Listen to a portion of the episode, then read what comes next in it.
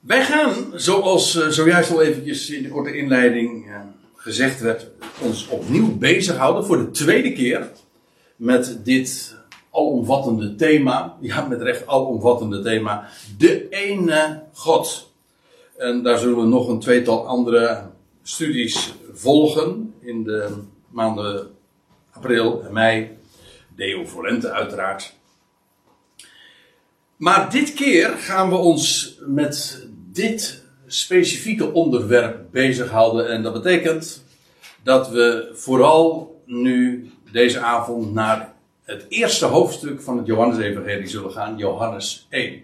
Daar vinden we deze woorden ook uh, over het woord dat vlees werd. Laat ik eerst nog eventjes voor, uh, voor de helderheid nog teruggrijpen op wat we de vorige keer hebben gezien. En kort samenvatten wat ook alweer eigenlijk het uh, punt was. Nou, het, het gaat dus over de ene God. Hij is één. één in de zin ook van uh, integer. Dat wat hij zegt, dat doet hij ook. Hij is niet innerlijk tegenstrijdig, maar hij is ook de enige God. Buiten hem is er geen ander. En ik heb toen in de inleiding vrij uitgebreid ook stilgestaan bij het gegeven dat dit zonder enige overdrijving het aller, allerbelangrijkste onderwerp is van de hele Bijbel. Dat zeg ik niet ik, omdat wij nu toevallig hiermee bezig zijn en omdat wat, uh, om dat wat uh, aan, aan belang zeg maar, te laten winnen en, door dat te benadrukken. Nee, de Bijbel doet dat zelf heel uitdrukkelijk. En dat vinden we niet alleen in de Hebreeuwse Bijbel, zoals de Joden dat tot op de dag van vandaag maar al te goed weten. Het Shema Israël, dat wil zeggen, Heer, hoor Israël, Jawel, onze God is één. Wel, ze nemen dit dagelijks op de lippen. Wanneer ze zitten en wanneer ze opstaan, of ja, wanneer ze neerleggen, zich neerleggen, neerleggen, nee, dus, nou moet ik het goed zeggen. En wanneer zij opstaan en wanneer zij uh, wanneer zij de deur uitgaan en wanneer ze de, de deur weer binnenkomen. Onderweg, thuis, altijd en overal is dit het grote onderwerp. Namelijk dat er één God is. Dus het belang daarvan kun je nooit overdrijven. Het Jodendom is zich daar tot op de dag van vandaag zeer van bewust. Men zegt ook, uh, dat zijn Joodse geluiden zelf. Het is eigenlijk het enige dogma dat het Jodendom kent. Maar niet alleen in de Hebreeuwse Bijbel vind je dat. Ook de Heer Jezus wijst daarop als, uh, als hij hierover gevraagd wordt. We hebben dat gezien. En hij spreekt ook zijn vader aan als de enige waarachtige God. Uh, en de apostelen, of dat nou Judas is, of Petrus, of Paulus, allemaal onderstrepen ze het enorme belang van deze waarheid. Er is één God. En ik heb daarbij ook laten zien dat dat maar niet een kwantitatief idee is, dat het iets zegt over een getal, maar dat het een kwalitatief gegeven is. Het punt is namelijk dat alleen één God werkelijk God kan zijn. Op het moment dat er namelijk meerdere goden zijn, ongeacht of het er twee of drie of vier of 2500 of duizenden zijn, zoals bijvoorbeeld uh, in het Oosterse godsdiensten, in het Hindoeïsme bijvoorbeeld, je kent vele goden en trouwens, uh, daar zijn er meer van. Ook in het uh, verleden bedoel ik. maar ongeacht het aantal, slechts één God kan werkelijk allesomvattend zijn. Op het moment dat er twee goden zouden zijn, zouden ze al de macht moeten delen. En zou de ene kunnen dwarsbomen wat de andere bepaalt. Alleen één God die kan werkelijk alles beschikken. Uit hem zijn alle dingen. Door hem zijn alle dingen. En tot in hem zijn alle dingen. En dat betekent dus dat heel de schepping. Uh, ja, tot zijn gebied uh, gerekend wordt. En uh, over ja, niet alleen gerekend wordt. Zo, die wereld is zijn wereld. Hij heeft die wereld in zijn hand en niemand anders. En daarom kan er ook nooit iets misgaan.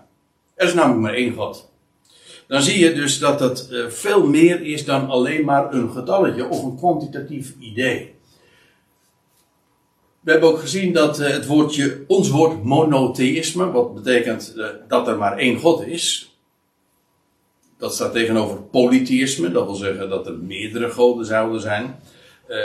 Dat is zelfs een heel bijbels idee. Ook Paulus in, de Judasbrief is ook, ook sprake van monotheo. En dat betekent dus letterlijk inderdaad uh, de enige God. En wie die ene God is, ook dat hebben we gezien. Die ene God, dat is ja, hij die door de Heer Jezus hier op aarde ook werd aangesproken als zijn vader. U bent de enige waarachtige God. Eén eh, God, namelijk de Vader. Een van de afspraken die we hebben gemaakt, eigenlijk eh, als startpunt van deze avonden, is dat we even alle traditionele ideeën aan de kant schuiven. We gaan er eigenlijk niet eens op in in deze avonden. We doen het puur positief, dat wil zeggen, slechts bijbelse begrippen. We laten slechts de schrift spreken. En dan is het eigenlijk niet eens nodig om allerlei andere ideeën, ook binnen de christelijke wereld, uh, ook te bespreken. Nou ja, misschien dat we straks uh, in de vragenbespreking uh, daar nog even op terugkomen. dat staat allemaal vrij. Maar in, de, in mijn Bijbelstudies wil ik het heel positief, puur vanuit de schrift benaderen. Vandaar ook dat ik dus niet begrippen ga bespreken als de drie-eenheid Oké, nu heb ik het alsnog genoemd. De vorige keer heb ik het ook genoemd. Maar eigenlijk alleen maar om aan te geven dat ik het er niet over heb. Niet omdat ik daar uh, tegen ben. Het gaat er gewoon om. We doen Bijbelstudie.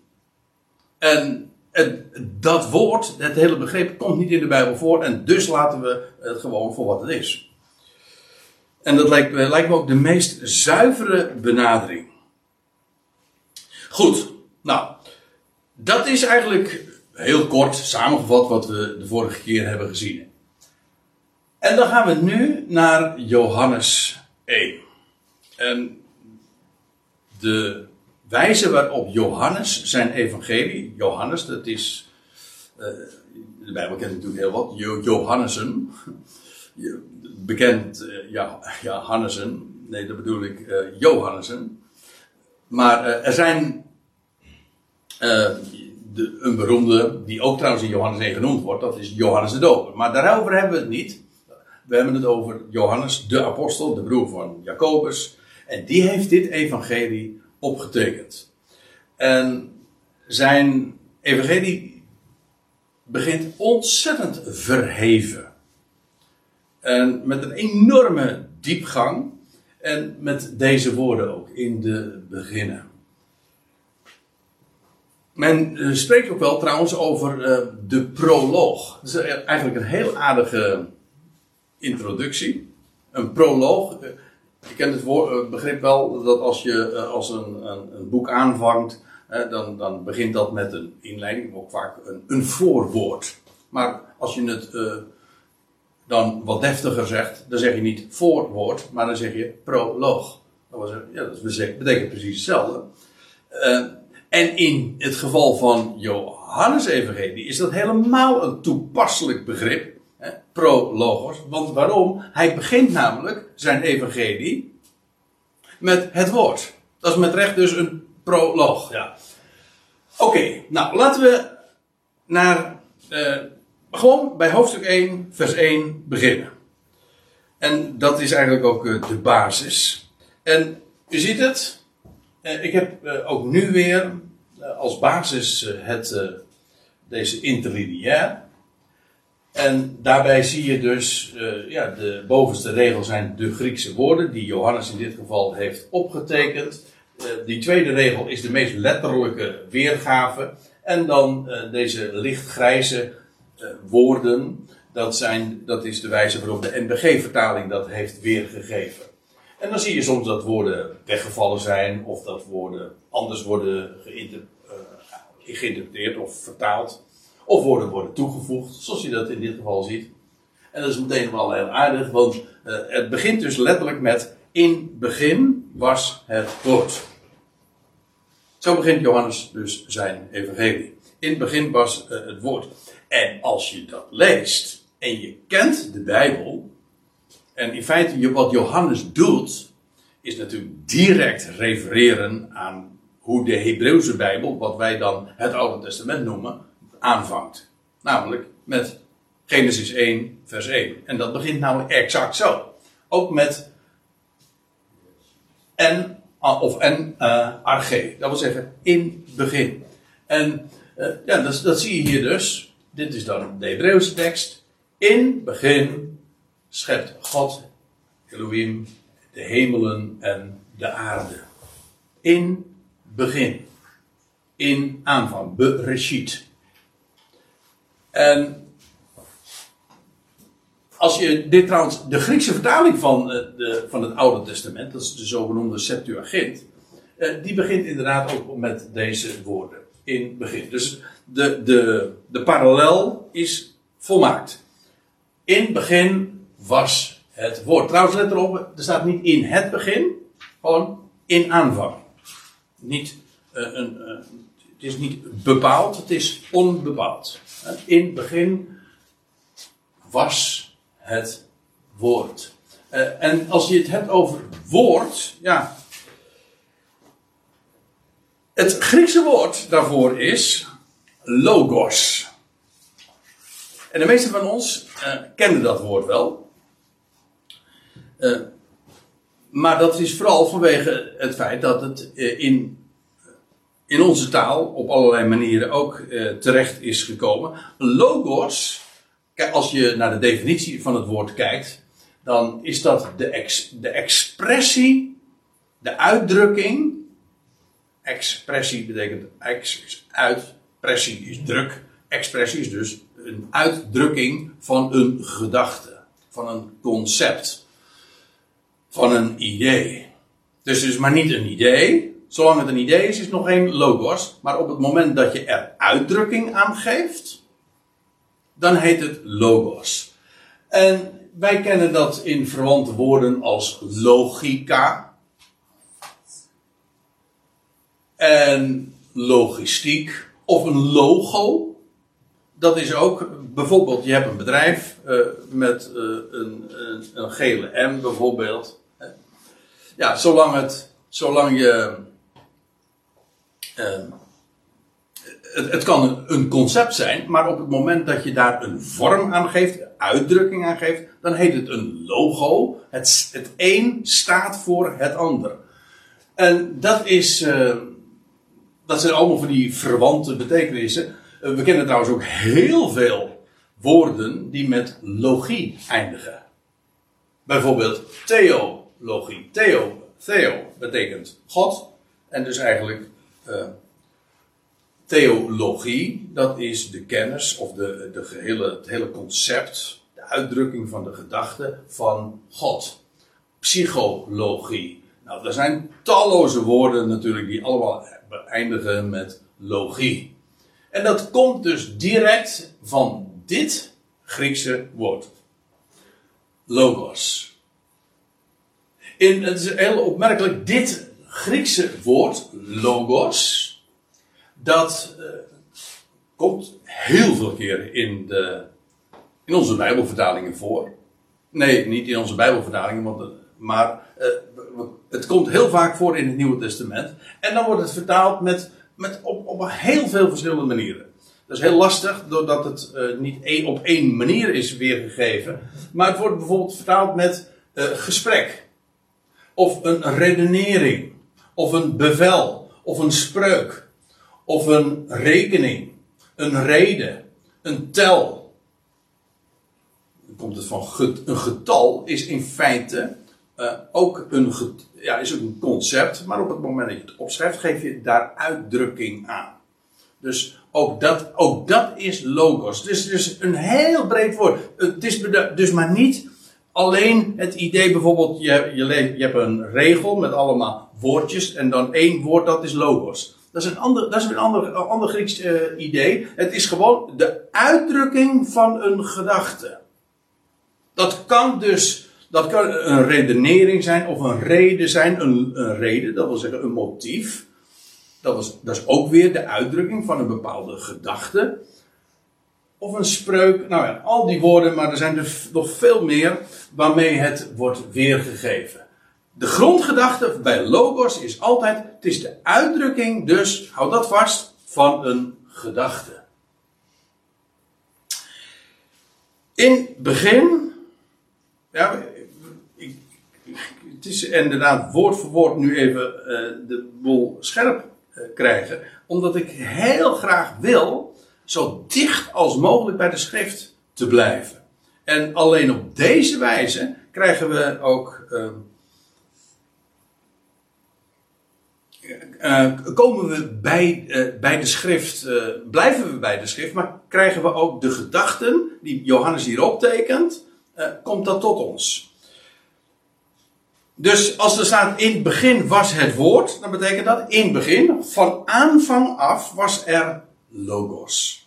Of expressie van gedachten. Ik geef toe, het klinkt nu nog misschien wat vaag en wat filosofisch, maar het zal je gedacht zijn hoe concreet het is. Eh, het betekent namelijk vanaf het begin, in Genesis 1 al, was daar logos. Daar was een, niet alleen maar een gedachte, natuurlijk, wie was daar? Ja, daar was God. En was daar ook een uitdrukking van een gedachte? Jazeker, want dat is precies wat, wat God deed. God schept. God schiep de, de hemelen en de aarde. En wat lees je iedere keer? En God zeide, en God sprak. En het eerste woord dat je leest, er zij licht. Dat is logos. Ja, niet alleen licht is, is die logos, maar als God spreekt, dat is logos. En let wel, God spreekt. En hij wordt gehoord. En niet, hij, hij wordt niet gezien. Dus ook dat is een heel essentiële uh, gedachte. Die, die, moeten we ook om te beginnen meteen scherp krijgen. We hebben het trouwens de vorige keer al even over gehad. Naar aanleiding van wat we zagen in, eh, wat was het? Ja, 1 Timotheus 1. Waar Paulus zegt van de enige de enige God, monotheo. En dan staat er ook de onzienlijke. Of de ongeziene. En, en de Bijbelse waarheid is, niemand heeft ooit God gezien. Ja, ik, geef toe, dat moet toegelicht worden, want daar zou je, als je een beetje de Bijbel kent, daar met bezwaar tegen kunnen gaan maken. Want ze ho, ho, wacht even, niemand heeft ooit God gezien. Wat dacht je, wacht even, moment. Dit, dit verzin ik namelijk niet. Dit staat namelijk zo letterlijk in Johannes 1, vers 8. Eh, in Johannes 1, vers 18. Dus in ditzelfde hoofdstuk wordt gezegd. Eh, wat begint met in begin was woord. Of was het woord. Ja, maar hetzelfde hoofdstuk geeft aan. Niemand heeft ooit God gezien. Dus de uitdrukking van de gedachte was niet dat, hij dat God gezien werd, maar wel dat hij gehoord werd. En dat komt inderdaad volmaakt overeen met wat je leest in Genesis. Genesis 1, God laat van zich horen. Hij laat zich niet zien. En Johannes schrijft inderdaad, en uh, nou zijn we in vers 18, niemand heeft ooit God gezien. Dus Johannes schreef dit, nou in de eerste eeuw van onze jaartelling, dus 20 eeuwen terug. En hij, hij, hij blikt terug op al die honderden, wat zeg ik, duizenden jaren. En hij stelt vast, er is nog nooit een mens geweest die God gezien heeft. Niemand heeft ooit God gezien. En dus, ja, want nu, de volgende vraag is, hoe zit dat dan met al die godsverschijningen? Ik zeg al die godsverschijningen. Ja, er zijn nogal wat keren in de Bijbel dat je leest dat God aan Abraham verschijnt. Nou, je, je, trouwens, dat begint al eh, veel vroeger, namelijk uh, in de geschiedenis van Adam en Eva. In de, en dat ze God hoorden en het, in het ruisen van de avondkoelte. Van de woorden van gelijke strekking. Ook daar is het weer horen. God deed van zich horen. Adam, waar ben je? Maar je leest ook bij allerlei gelegenheden van Abraham, bij Hagar, Ehm, nee, ja, dan lees je dat een engel aan haar uh, verschijnt. Maar uh, aan, nou ja, uh, in verband met Mozes lees je inderdaad ook dat de Heer, Yahweh, aan hem verschijnt. Eerst nog even, voordat ik daar nu op inga, nog even dit punt. Die, deze waarde, niemand heeft ooit God gezien. Dat is, het, dat is de reden waarom in de Colossensebrief, in Exodus 33, in 1 Timotheus 1. Maar er zijn nog meerdere plaatsen waar gesproken wordt over de onzienlijke God. Dus hij wordt niet met de ogen, visueel dus, waargenomen. Dat is één ding. Dus het is, het is, niet alleen maar een statement die Johannes hier maakt. Nee, we vinden hem heel de Bijbel door. Johannes die trapt als het ware een open deur in. Dat wil zeggen, iedereen die vanuit, eh, vanuit de schrift zou men weten, God is de onzienlijke. Van Mozes lees je dat trouwens ook heel eigenaardig. Hij was ziende de onzienlijke. Dat wil zeggen, zijn oog was gericht op degene die niet gezien wordt. Maar, eh, nou ik het dan toch over Mozes heb, heb eh, je leest dat Yahweh aan hem verschijnt. Dat, de beroemde geschiedenis dat hij daarbij die brandende braamstruik was. En, dat, en dan lees je inderdaad in Exodus 3 eh, dat Yahweh aan hem verschijnt. Maar een vers later lees je dat het niet dat het een boodschapper, een engel van Yahweh was. Waarna je de volgende vraag stelt: ja, maar hoe was het nou? Was het nou Yahweh die, die hij zag in die brandende braamstruik? Of was het een boodschapper? Nou, het punt is, God verschijnt via die boodschapper. Hij wordt niet direct gezien, maar altijd, als hij gezien wordt, is het via een boodschapper die hij zendt. Heel vaak wordt, hij genoemd, wordt die boodschapper dan ook de engel van uh, des Heren genoemd, de engel van Yahweh. Maar een, via een boodschapper verschijnt hij. Je leest trouwens ook in Handelingen 7 in de reden van Stefanus dat een, een engel verscheen aan Mozes. En was het dan toch Yahweh? Ja, maar indirect. In feite, die engel representeert God. Hij, hij, spreekt ook namens God. Het is zelfs zo, hij, als die, uh, die engel spreekt, alsof het God zelf is. Hij, hij spreekt over: Ik ben de Heer, ik ben Yahweh, uw God. Ja, maar het is de engel die spreekt. Ik denk, dat moeten we goed vasthouden. Dus verscheen God aan Mozes. Zag, zag Mozes God? Ja, via, maar dan wel via de engel. Dus niet direct. Zodat het inderdaad waar is. Niemand heeft ooit God gezien in de directe zin. Alleen in het, als God verschijnt in het Oude Testament. Dan is dat via een engel. En daar zijn vele voorbeelden van te geven. Misschien dat dat eh, later nog wel even aan de orde komt.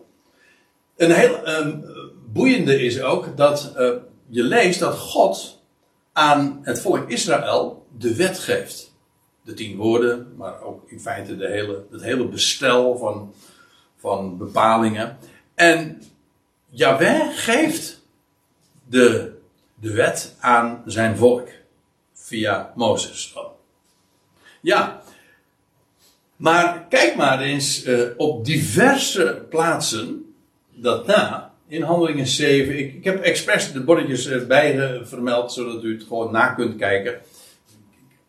We, komen er gewoon niet aan toe om dat allemaal, uh, al die teksten na te gaan, want het neemt echt een beetje te veel tijd in. Maar dat is dan ook staat dat God door bemiddeling van boodschappers, van hemelse boodschappers, engelen dus, wat wij dan engelen noemen.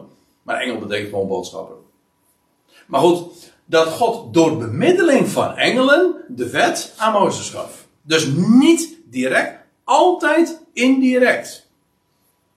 Het is erg belangrijk om te zien. Waarom? Omdat je alleen op deze wijze begrijpt hoe aan de ene kant de Bijbel benadrukt dat God de onzienlijk is en dat nooit iemand God gezien heeft. En tegelijkertijd dat de, je leest heel, heel veel keren dat God wel verschijnt. Hoe kan dat? Is dat tegenstrijdig? Nee, maar God verschijnt indirect. Via een boodschapper. Oké. Zodat het waar blijft, niemand heeft ooit God gezien. Wel gehoord. Dat wel. Oké. In, het, in het begin was het woord, staat er dan. En het woord was naar de God toe. Ja, en de NBG-vertaling staat. En het woord was bij God. Maar er staat hier niet bij. Ja. Niet het voorzetsel bij, para, maar, dat, maar een ander voorzetsel. En dat drukt beweging uit, dat wil zeggen naartoe. Dat is het Griekse voorzetsel pros, dat wil zeggen. Eh, het, het drukt beweging uit naar. Uh, richt, in een bepaalde richting. Zoals wij een pijltje zetten. Dat is, dat is, dit, dat is dit voorzetsel pros. En waarom zeg ik dat? Wel, het woord was naar de, de God toe. Let op trouwens, dat is niet zomaar God. Nee, het is de God. Welke God? Nou, de ene. De God. En dat betekent, het woord verwijst naar de God. Dat betekent dus niet het woord was bij God. Nee, het woord is naar God toe. Het verwijst naar God. En hoezo? Wel, dat wordt dan vervolgens uh, verklaard. En God was het woord. Kijk, waar God zich bekend maakt, of bekend maakte, was dat altijd via het woord. Dus als God ge gehoord werd, dan wist je, dat is God. In feite, wij, wij, kennen, dat fenomeen ook. Hè? Je, hoort een stem. Of je hoort iemand op de piano zeggen: Hé. Hey. Je hoort de klank en dan zeggen als je een kenner bent bijvoorbeeld, hé, hey, dat is, ik noem maar wat, Louis van Dijk. Of uh, je, je hoort een zanger en zegt, hé, hey, dat is Andrea Bocelli. Je hoort dat, dan zeg je, je hoort alleen maar de klank of het woord en dan zeg je, dat is hij. Of dat is zij. Is, en dat is eigenlijk helemaal niet, niet, uh, niet zo vreemd, want zo spreken wij daar ook over. Op het moment dat je, uh, dat je iets, iets hoort en dan zeggen wij, dat is. Zo was het trouwens ook bij uh, het eerste mensenpaar. zij hoorden God, namelijk aan het. Hij was herkenbaar aan de klanken die hij voortbracht. En dan hoef je al, en zo kennen wij allemaal dat fenomeen. Je hoeft de stem maar te horen. Je hoeft maar één woordje te horen. En je weet al met wie je van doen hebt. En er staat, er ook, er staat trouwens ook niet. En, en het woord was God. Nee. En God was het woord. Verkeerd dus. Dus het woord verwijst naar God. Ja. En God was het woord. Waar God zich bekend maakt, dan is dat altijd via het woord. Op het moment dat je het woord hoort, dan zeg je, dat is God. Dat is God. Dus God, wie was, wie was dat dan? Wel, dat is Hij die zich laat horen. Het woord. En dat woordje was, ja ja, we gaan heel diep, eh, dat wil zeggen, dit is echt woord voor woord.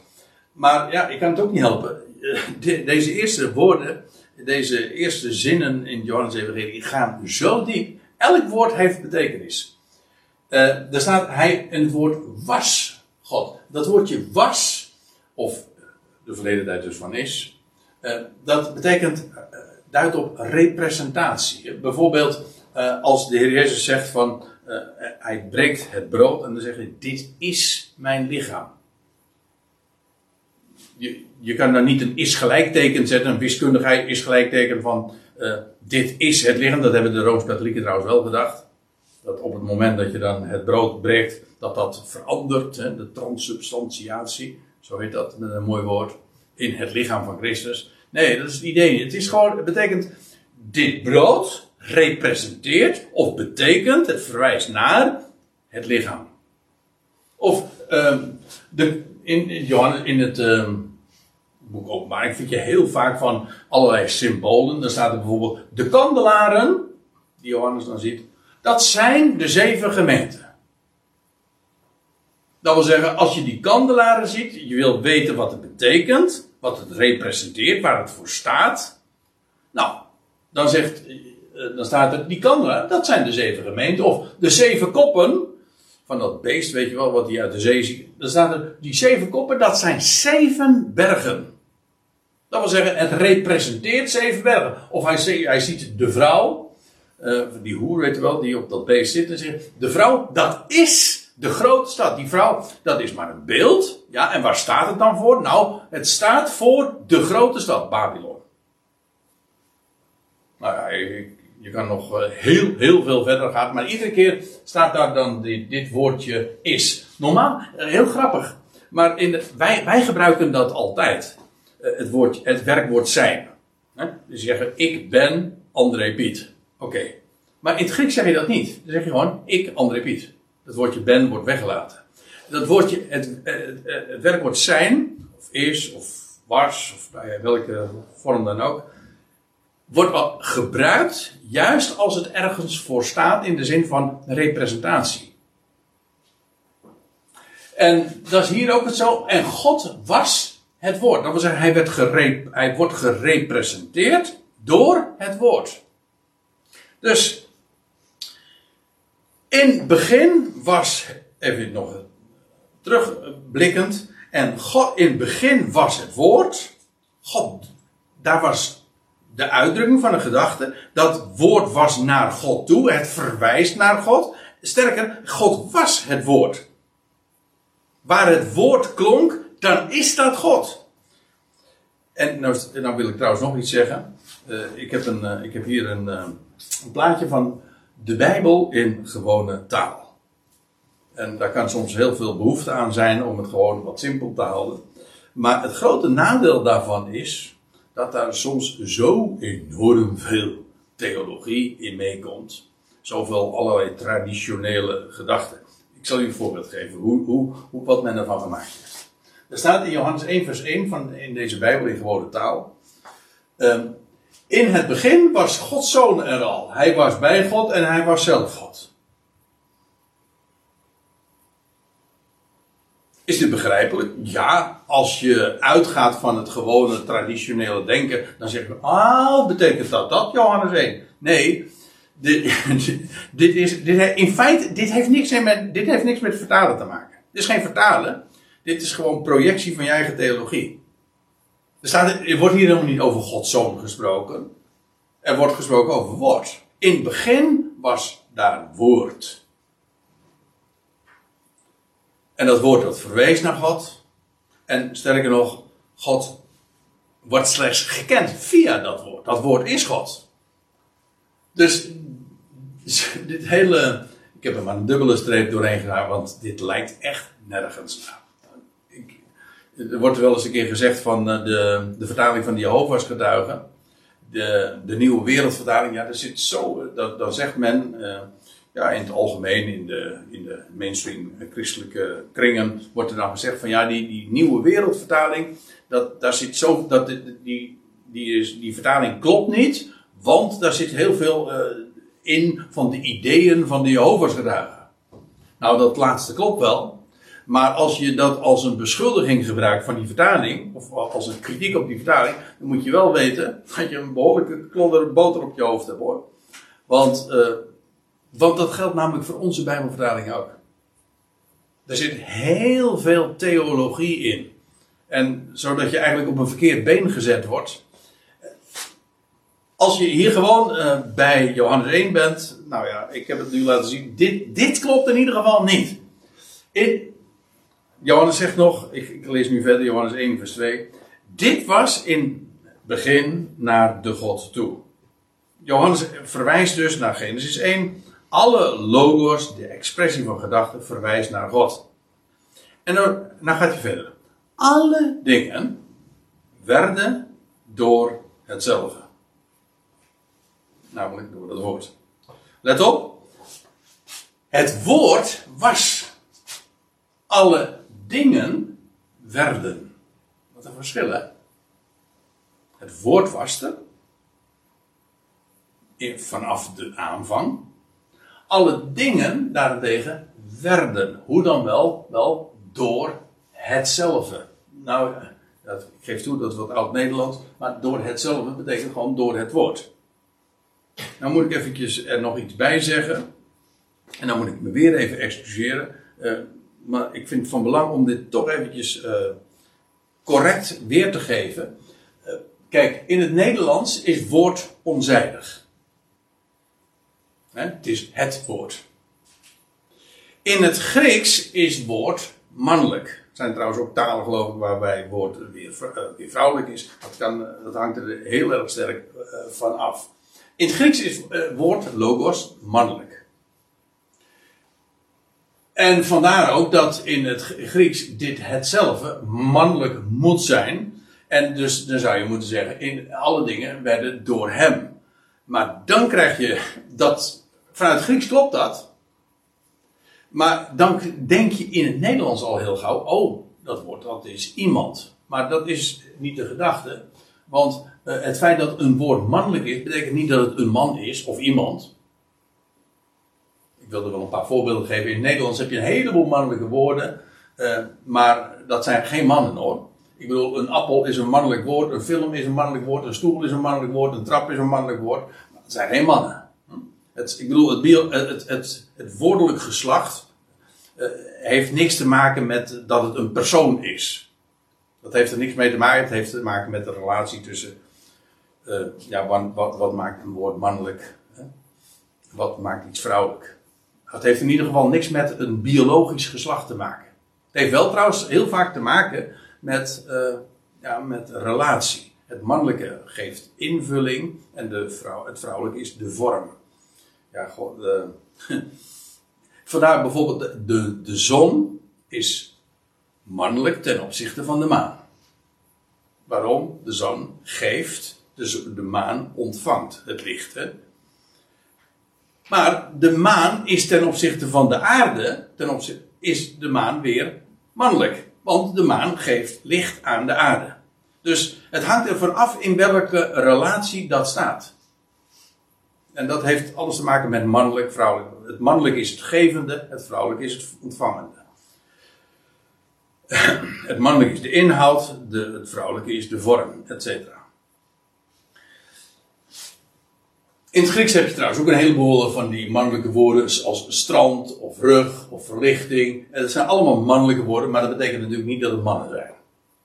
Ik, ik zeg, dat is wellicht ten overvloede waarom ik dit nu naar voren breng. Maar waarom zeg ik het? Omdat je zou vanuit het Grieks kunnen redeneren van alle dingen werden door hem. Dat klopt, maar moet je niet denken aan iemand. Het gaat namelijk gewoon over het woord. Alle dingen werden door hetzelfde, zegt het uh, Statenvertaling trouwens ook.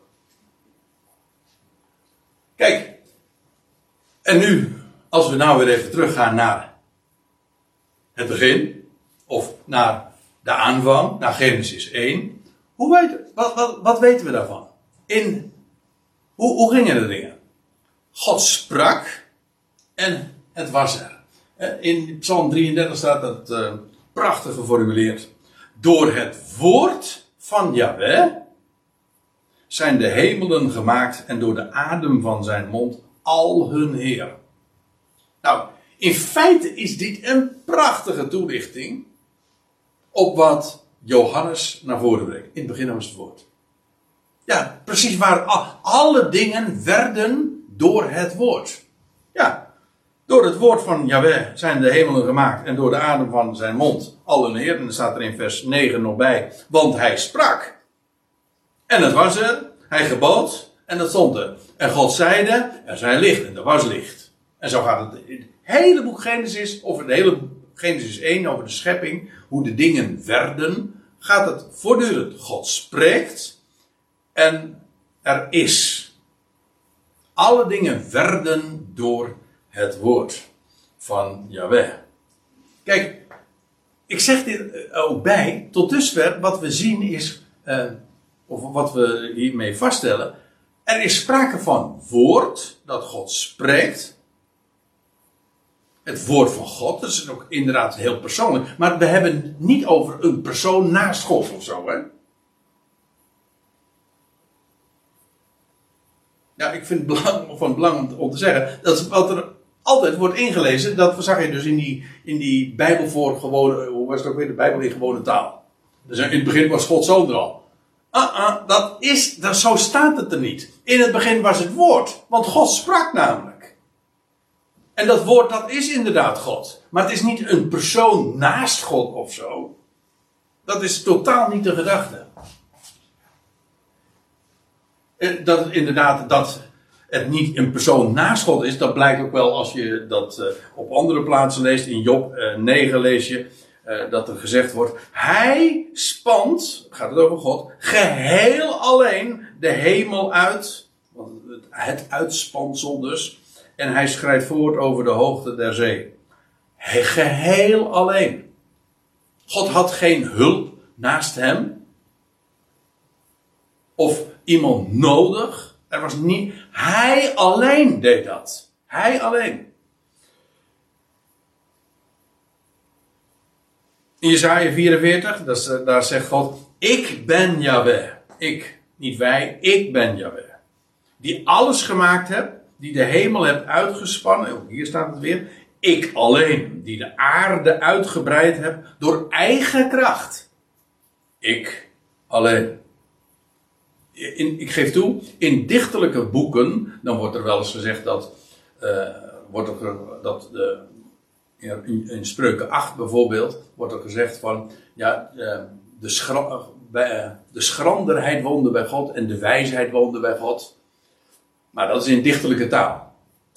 Dat wil zeggen dat Gods verstand en Gods wijsheid hem ondersteunde. Maar dat zijn geen afzonderlijke personen.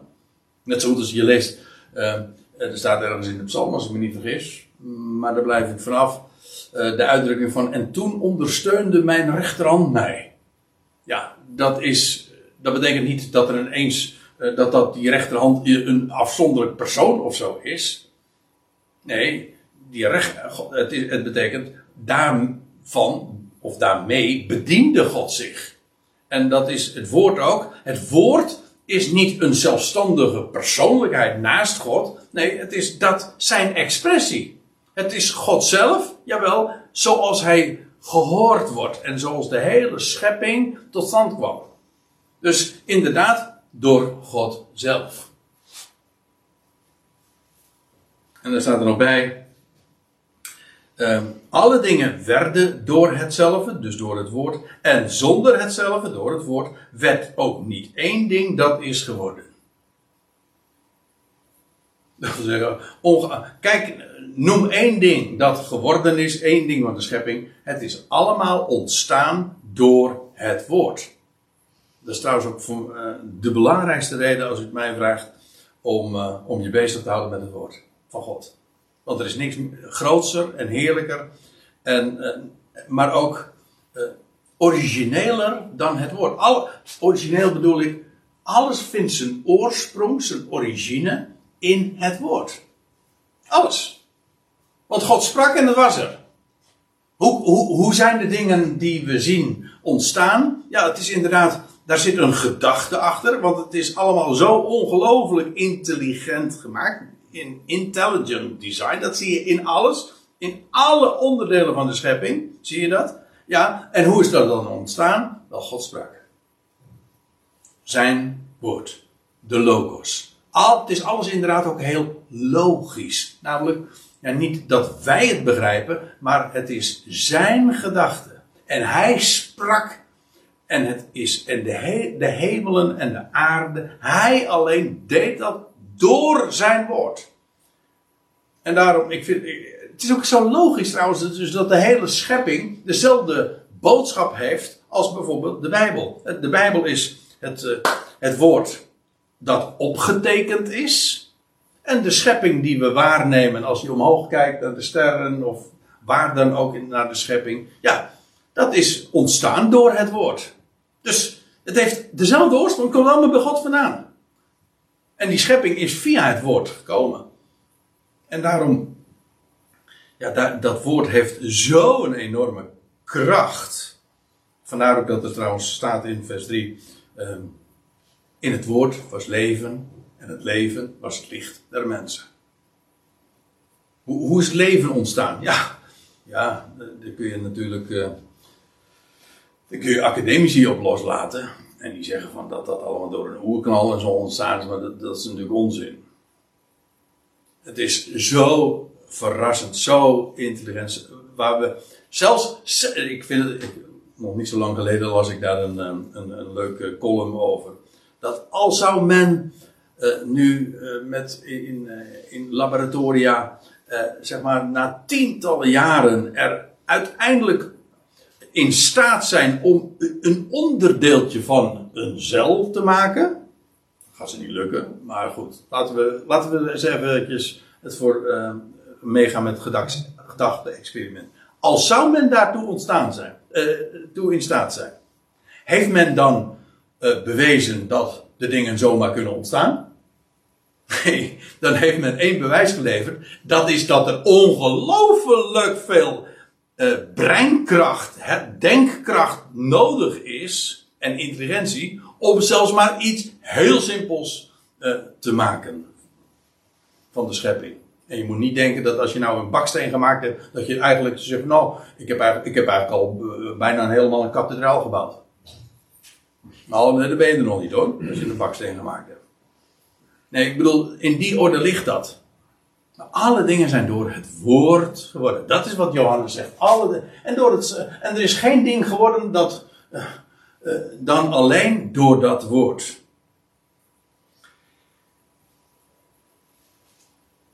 Nou, Johannes gaat verder.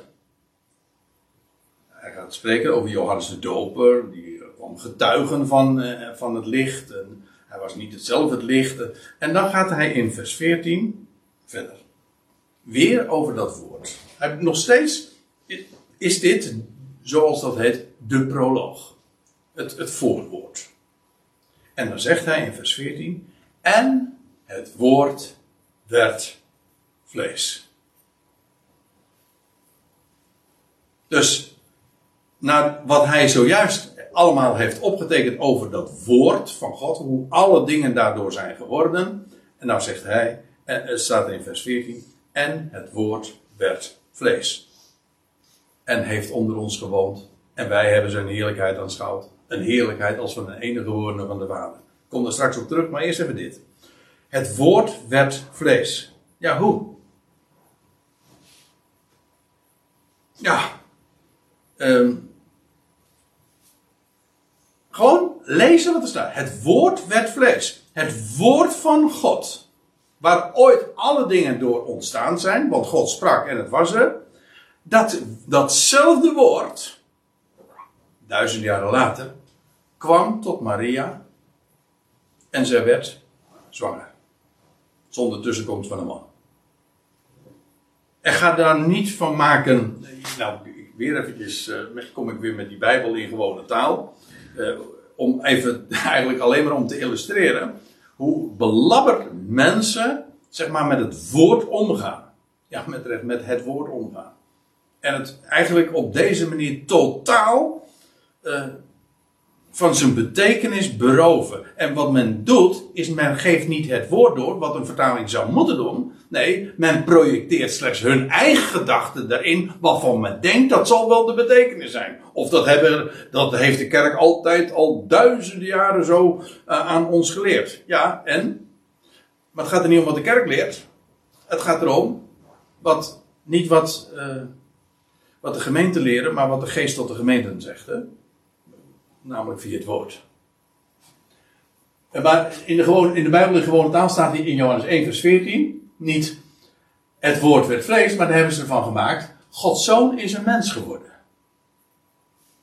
Mm, mm, mm. Weer hartstikke fout. Dat staat er niet. Het kan er ook niet staan en dan ga ik u, dan ga ik u nu laten zien dat het zo is. Want ik zei u al, het woord werd vlees. Ja, heel letterlijk. En dan gaan we even naar, naar uh, Lucas 1. Daar, en daar vinden we de geschiedenis dat Maria wordt bezocht door een hemelse boodschapper. Gabriel. En dan staat er in vers 31 dat gezegd wordt tegen haar: En let op, je zult zwanger worden. En een zoon voortbrengen. En je zult hem noemen bij de naam Jezus. Later wordt het ook verklaard of bij een andere gelegenheid. Yahweh is redder. Dat is wat Jezus betekent, Yeshua. En Maria zei tot de boodschapper, hoe zal dit dan zijn? Omdat ik geen man heb. Ik heb geen gemeenschap met een man. Hoe kan ik dan zwanger worden? En dan is het antwoord.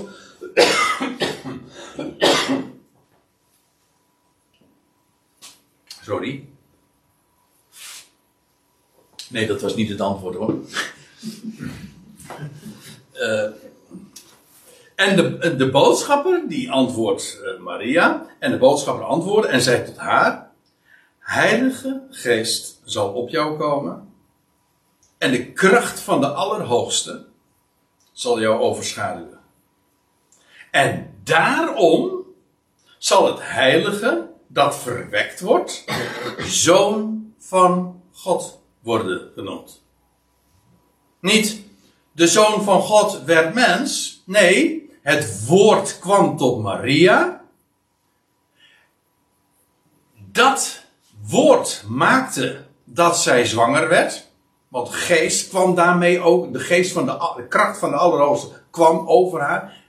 Zo werd ze zwanger, zonder tussenkomst van een man. En omdat God zelf deze persoon verwekt, wordt hij Gods zoon genoemd. Daarom zal het heilige dat verwekt wordt. Heilig, hoezo? Wel, het is namelijk de kracht van de Allerhoogste.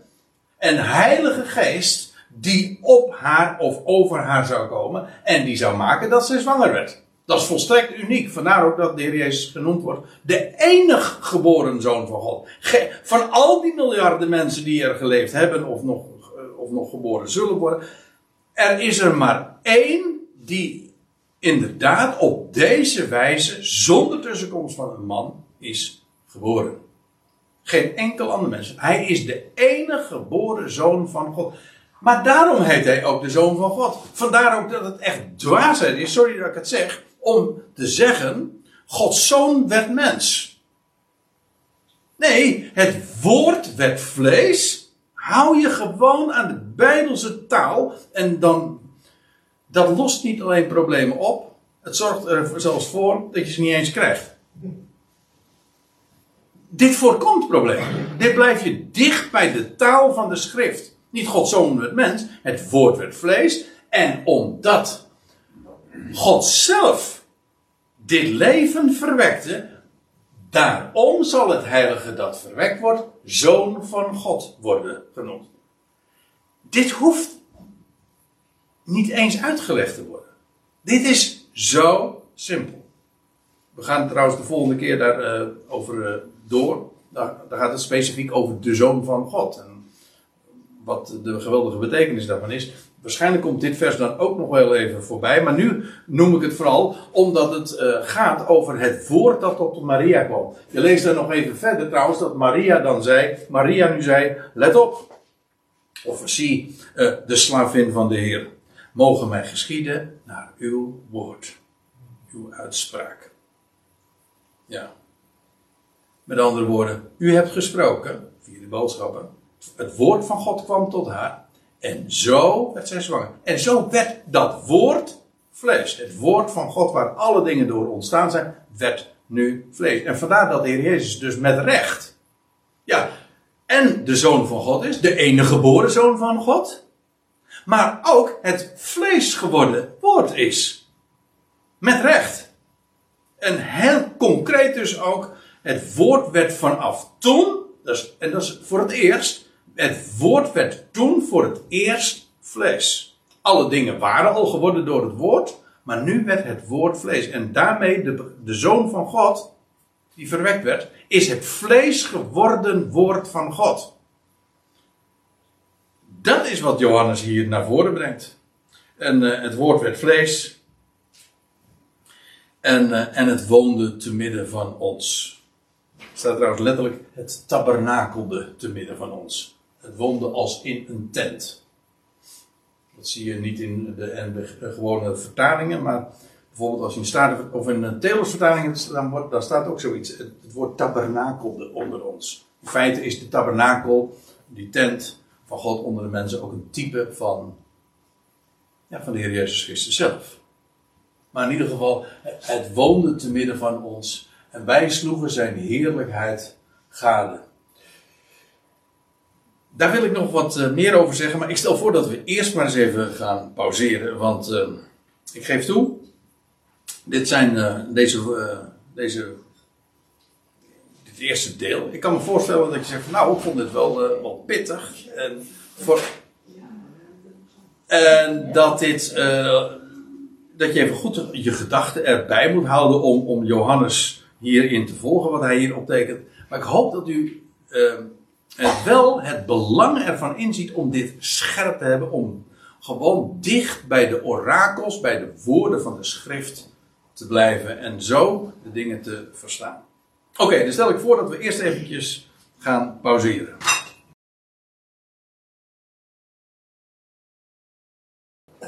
Goed, we hebben nog wat, uh, wat diaatjes te gaan. En misschien dat er straks nog even gelegenheid is om, uh, om wat, uh, wat vragen die wellicht opgekomen zijn langs te gaan en te bespreken.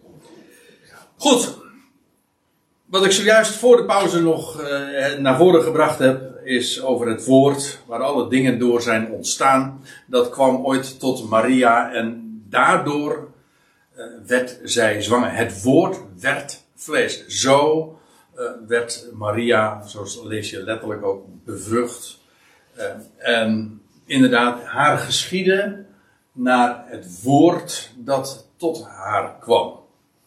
En dan lees je dus in vers 14: het woord werd vlees en het woonde of het tabernakelde te midden van ons. Eigenlijk, het idee is ook, uh, Gods heerlijkheid was verborgen woonde als in een tent, als in de tabernakel, uh, te midden van ons. En Johannes zegt er dan bij, en wij, Johannes ook als ooggetuige, wij sloegen zijn heerlijkheid gade. Het is nog, uh, wij hebben zijn heerlijkheid aanschouwd, zegt de MBG-vertaling.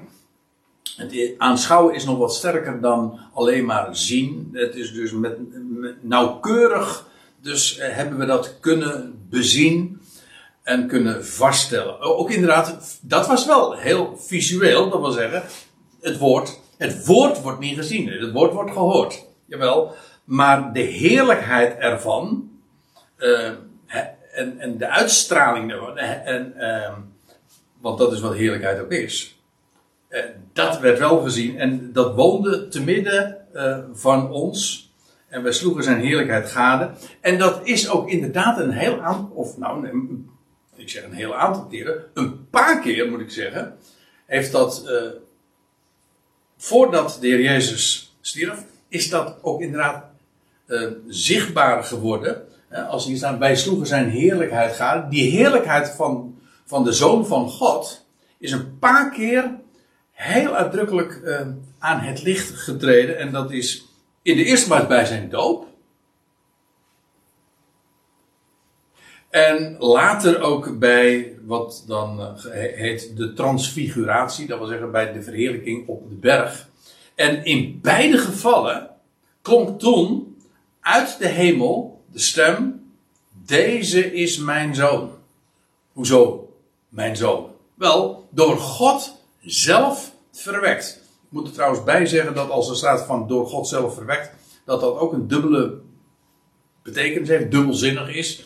Want het slaat zowel op het feit dat hij verwekt is ooit uit Maria, als ook dat hij later nog verwekt werd uit de doden. Opgewekt werd uit de doden, ook door de heerlijkheid van de Vader. Dus in de dubbele zin van het woord is hij inderdaad de, de zoon van God. En het loutere feit dat de Heer Jezus bijvoorbeeld bij zijn doop in de Jordaan, eh, hij ging onder in eh, eh, het watergraf, dat is het Bijbelse beeld, en hij stond daaruit op. En dan, dan lees je dat de hemelen zich openden en een stem klonk uit de hemel: Deze is mijn geliefde zoon. En een, de geest Gods daalde in de gedaante van een duif ook op hem neer. Dus dat was, als Johannes zegt: Wij hebben zijn heerlijkheid aanschouwd. Nou, dat was wel echt heerlijkheid hoor.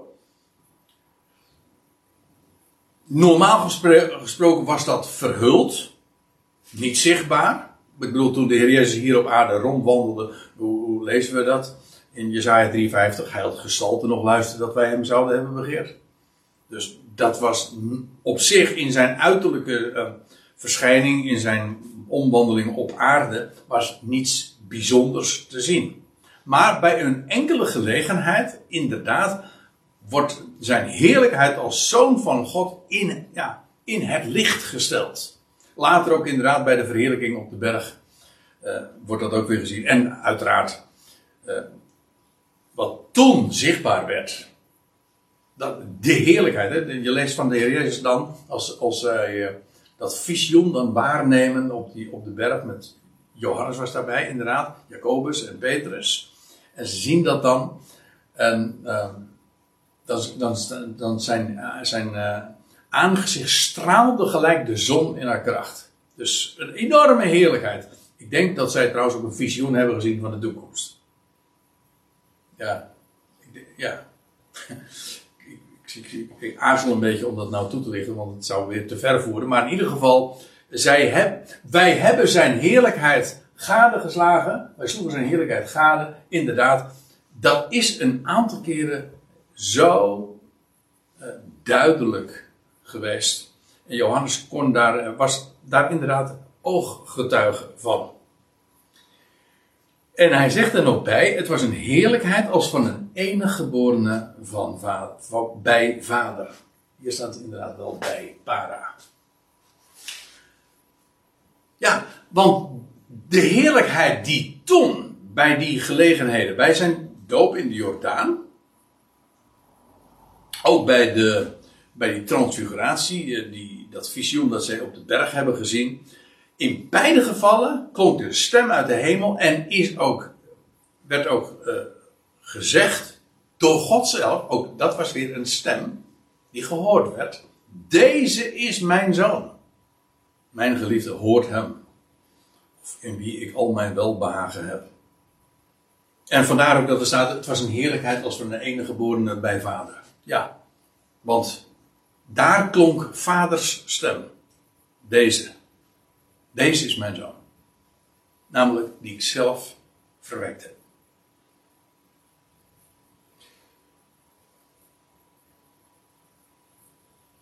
Ja, en nou, dit zijn die, uh, die eerste veertien versen. Het woord werd vlees.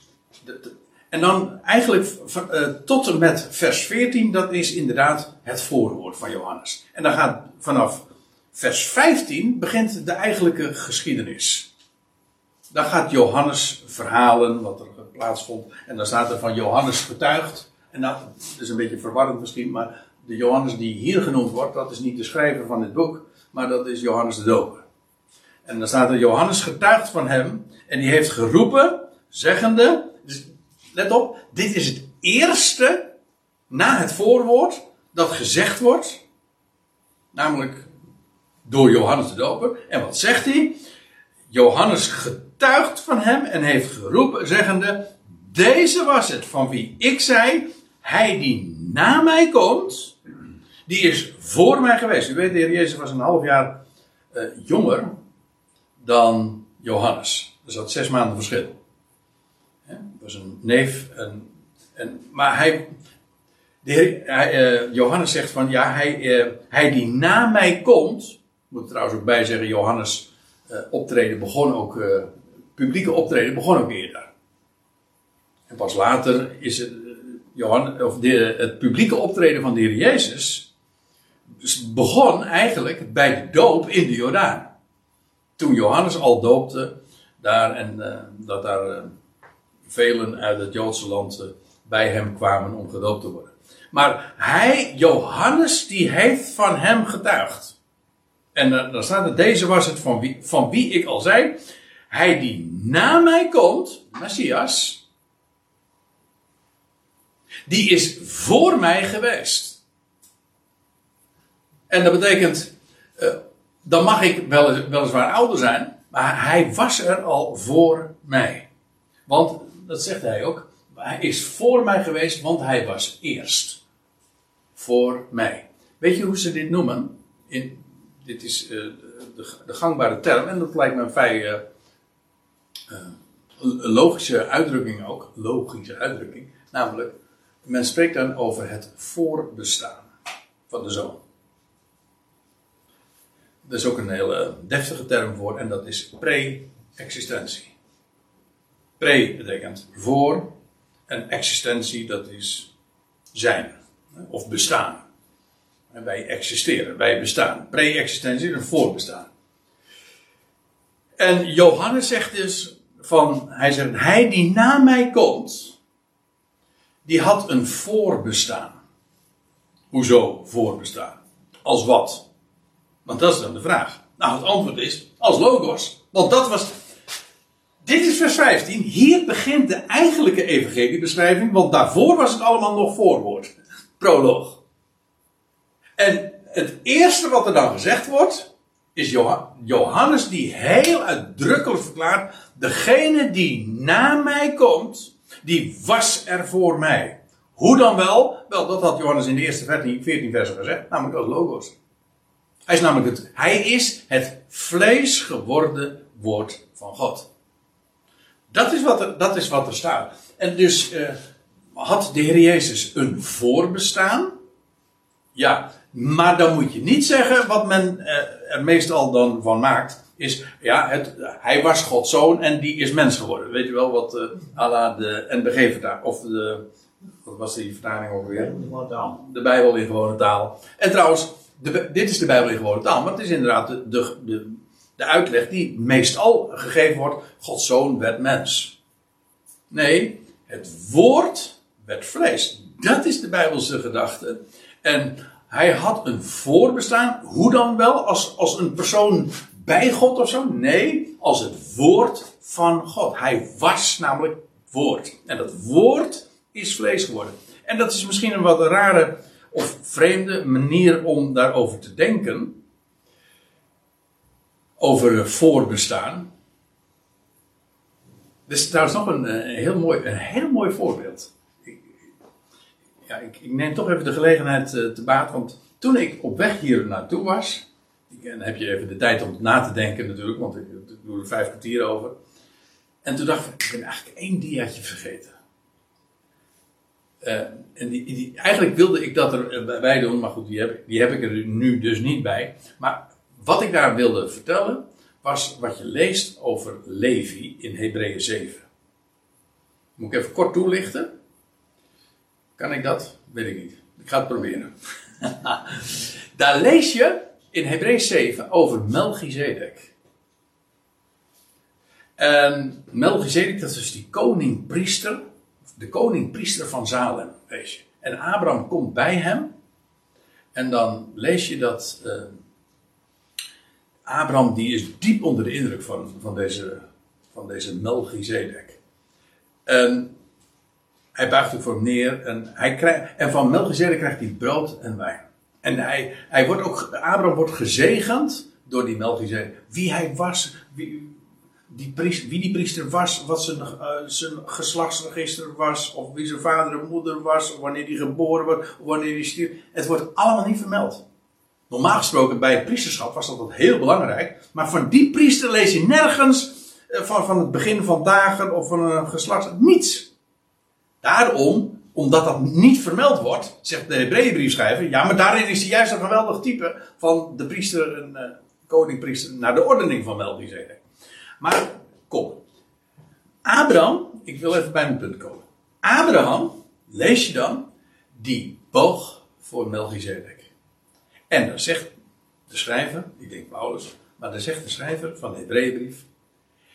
En Levi boog bij wijze van spreken ook al voor die Melchizedek neer. Dat was Levi.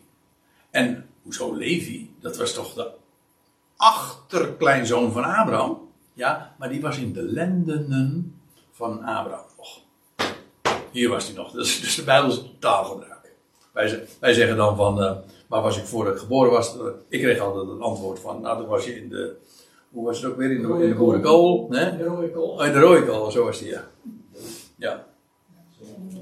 Maar in de Bijbelse gedachte is, waar was je? Nou, in de lendenen van je vader. In dit geval de lendenen van je overgrootvader.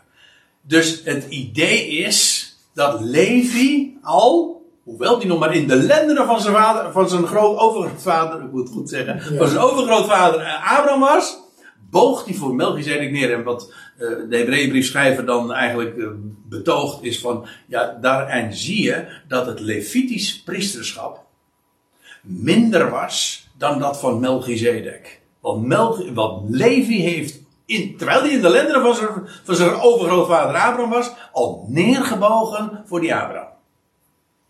Had Levi een, Levi was, was nog, ja, maar hij was in de lenderen van zijn, vader, van zijn over, overgrootvader, ja. Nou, dat is, die wilde ik, dat diaatje wilde ik erbij hebben. Dat, dat, uh, misschien dat ik hem er alsnog even tussen voeg. Maar uh, hij is wel boeiend genoeg om het idee van voorbestaan. Uh, boog Levi letterlijk dan voor uh, Melchizedek? Nee, dat niet. Maar in zijn voorbestaan, in die zin, ja. En in welke zin had de heer Jezus een voorbestaan? Wel, hij is, hij was het woord van God. Dus je kunt inderdaad zeggen dat de hemelen en de aarde door hem gemaakt zijn. Dat, zegt, dat, zegt, dat, dat zeg ik niet alleen. Dat zegt Paulus ook in de Colossensebrief. En trouwens, hij zegt het in feite in Johannes 1. In Johannes 1 lees je het ook. Alle dingen zijn door het woord geworden. En, en, en het woord is vlees geworden. En dus het vlees geworden woord, dat is in feite ook degene waardoor hemel en aarde ontstaan zijn. Dat is een hele bijbelse gedachte. Ga daar nou niet van maken van, ja, daar, in de, in de, daar was bij het begin van de schepping naast God nog iemand, uh, Gods zoon of zo. Nee, het, het was het woord van God en het woord is vlees geworden. En dat, ja, in die zin was hij voor Johannes. Dat is waar Johannes op wijst. Hij is degene die, die na mij komt, die was er voor mij. Namelijk als logos. Ja, ik. ik, uh, ik doe nu moeite om dit uh, duidelijk te maken. Dit is de gedachte die Johannes naar voren brengt. En ja, wij doen er verstandig aan om daar niks aan af te doen, maar ook niks aan toe te doen. Laat het zo zijn. En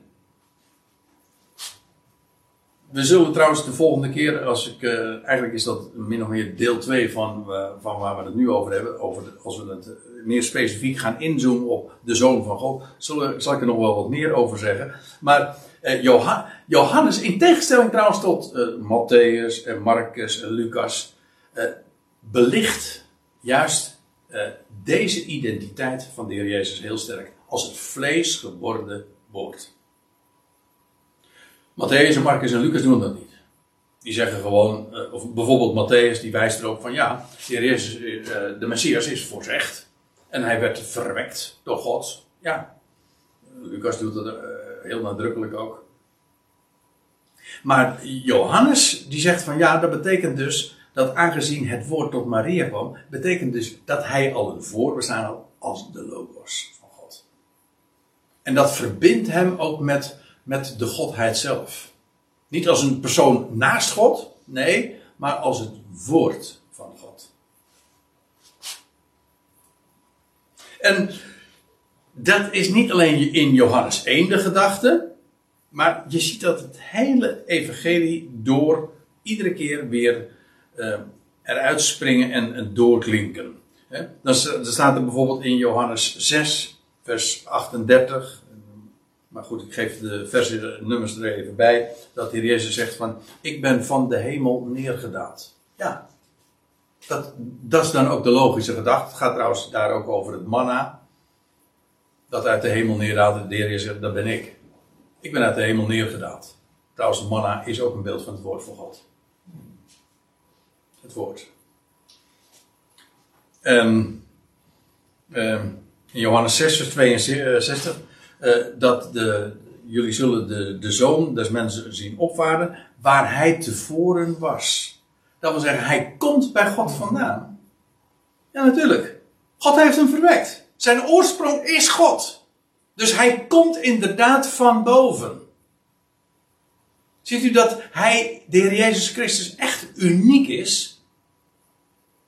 Hij is maar niet, hij is mens. Ja, Hij is niet de ene God. Maar hij is wel de unieke middelaar. Waar geen ander van. Hij is de unieke zoon van God. De enige geboren zoon van God. Hij is ook. Er is één God en er is één middelaar. Zoals God uniek is, zo is de middelaar ook uniek. Er is één God, er is één middelaar.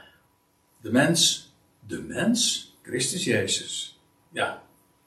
Die zichzelf gegeven heeft tot een losprijs. Voor allen. Ja. Maar ja, inderdaad, volstrekt uniek. En ook in zijn voorbestaan als Logos. Eer Abraham was, ben ik. Hoe dan? Als Logos. Daar, over dat vers is trouwens nog wat meer te zeggen, maar dat laat ik hier eventjes uh, voor wat het is. Maar ik, ga, ik geef dit even als, als voorbeeld hoe in het Johannes-evangelie dit iedere keer weer opnieuw doorklinkt. Heel sterk is die in Johannes 17, vers 5. Weet u nog dat ik de vorige keer erop wees uh, dat uh, in het, hoog, zogenoemde hoge priesterlijk gebed dat de Heer Jezus zegt van Vader, dit, dit nu is het eeuwige leven, het Ionische leven dat zij u kennen, de enige waarachtige God en Jezus Christus die u gezonden hebt. En dan een paar versen later staat er: Verheerlijk mij met de heerlijkheid die ik bij u had, eer de wereld was. De Logos. Weet u dat de heerlijkheid die de Heer Jezus heeft gekregen, als de opgewekte, ver, uh, en uh, dat hij is gaan zitten aan de rechterhand Gods, waar hij nu is, dat hij die heerlijkheid al had, die stond al vast voordat de wereld was. En, en, daarom zegt de Heer Jezus: Verheerlijk mij met die heerlijkheid die ik reeds in uw woord had, als logos, voor de wereld was. Ik zei al, deze, uh, ja, deze inleidende woorden van, van het Johannes-evangelie, die is die is heel verheven. En ik kan me voorstellen dat je, als je dit nu uh, zo hoort. Dit gaat. Ik zeg niet dat het onbegrijpelijk is, maar het is. je voelt allemaal wel aan dat als we het over deze dingen hebben. Dit is heel verheven. Wie is de Heer Jezus Christus? Ja, de logos, waar alle dingen door ontstaan zijn. En Johannes Evangelie heeft dan ook inderdaad de naam eh, terecht als het Evangelie dat ja, voortbouwt op de voorgaande evangelie. En de Jezus schilderde in zijn meest verheven heerlijkheid. En de heerlijkheid die hij nu heeft gekregen, sinds dat hij verhoogd is aan Gods rechterhand, die heerlijkheid die was al vastgelegd, die stond al in het woord vast, in het woord van God zelf, de Logos voordat de wereld was. Ja, ja ik heb weer, uh, u, ziet het, de, ik heb daarmee de laatste dia gehad. De volgende keer gaan we dus, deel voor lente, gaan we verder over de Zoon van God. Maar uh, dit geeft me wel even de gelegenheid, nu we toch iets eerder met uh, de dia's zo allemaal hebben, zijn gepasseerd om nog eventjes met elkaar uh, wellicht wat, uh, wat puntjes op die te zetten, of wat vragen nog wat uh, toe te lichten. Zijn die er? En dan, als u zegt van die zijn er niet, dan heb ik er zelf nog een. Ja, het eerste woord was er zij licht. Wat we wisten eigenlijk. En dat komt in Johannes ook voor. Ja. Dat dit. Het licht der wereld bedoel je? Ja. Dus die is vlees geworden. Ja, dat was ook daar weer. Die is vlees. Ja. Ja, daar, er staat in, uh, in, um, in 2 Korinthe 4 dat Paulus zegt: De God die sprak, licht schijnen in de duisternis, die heeft het doen schijnen in onze harten. om ons te verlichten met de heerlijkheid van de kennis van God. Uh, dus dat uh, wat in Johannes, of pardon, in Genesis 1 staat van er zijn licht, in feite, was ook al profetie. Ja. Dat was profetie.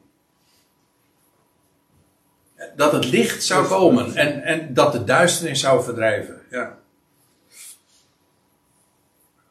Ik vind het heel erg moeilijk om voor te stellen dat uh, Jezus dus uh, het vlees geworden woord is, wat hij dan was, voordat hij geboren werd.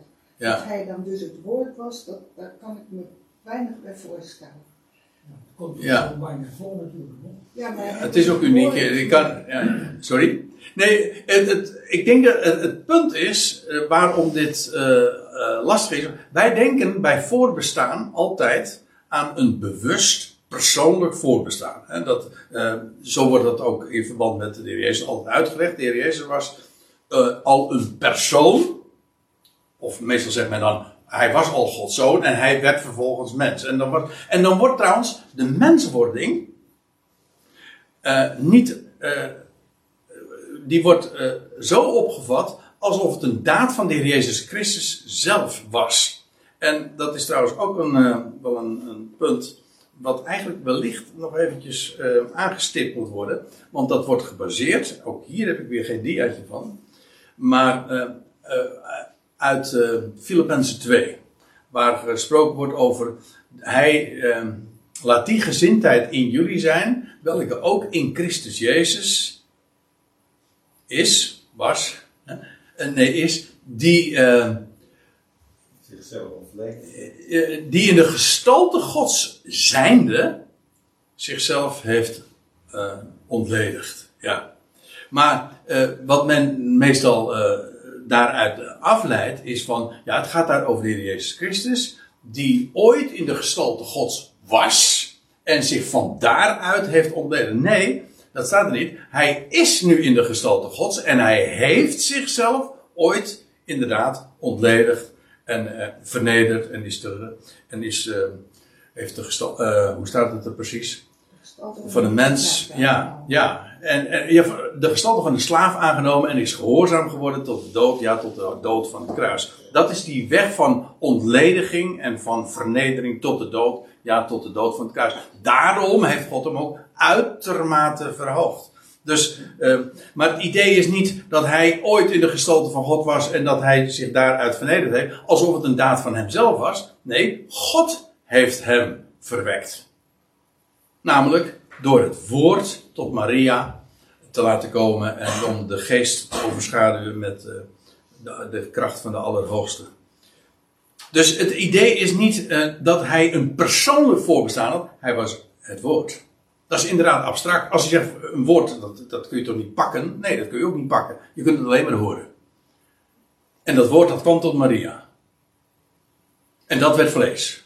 En zo is hij het vlees geworden woord. En het is zelfs zo, hij is het vlees geworden woord. Je leest later ook in, in het boek Openbaring, wat trouwens ook geschreven is door Johannes, dat eh, als de hemel zich straks gaat openen, dan staat er van, en hij kwam uit de hemel, hij, eh, en zijn, wiens naam was het woord Gods.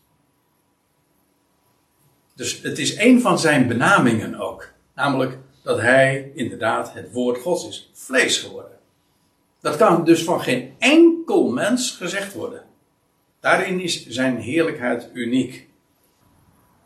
Dus als je zegt, ja, dat is eh, moeilijk voorstelbaar, voorstelbaar, dat klopt ook. Dit is ook niet voorstelbaar. Dit is namelijk, eh, dit is alleen maar eh, voorstelbaar, heeft iets te maken met dat je het kunt visualiseren. Alsof er eh, twee personen bij elkaar eh, waren en die, eh, dat, dat God eh, door middel van de Heer Jezus ooit de wereld heeft gemaakt. Nee. Het was zijn woord die dat deed. En het woord werd vlees.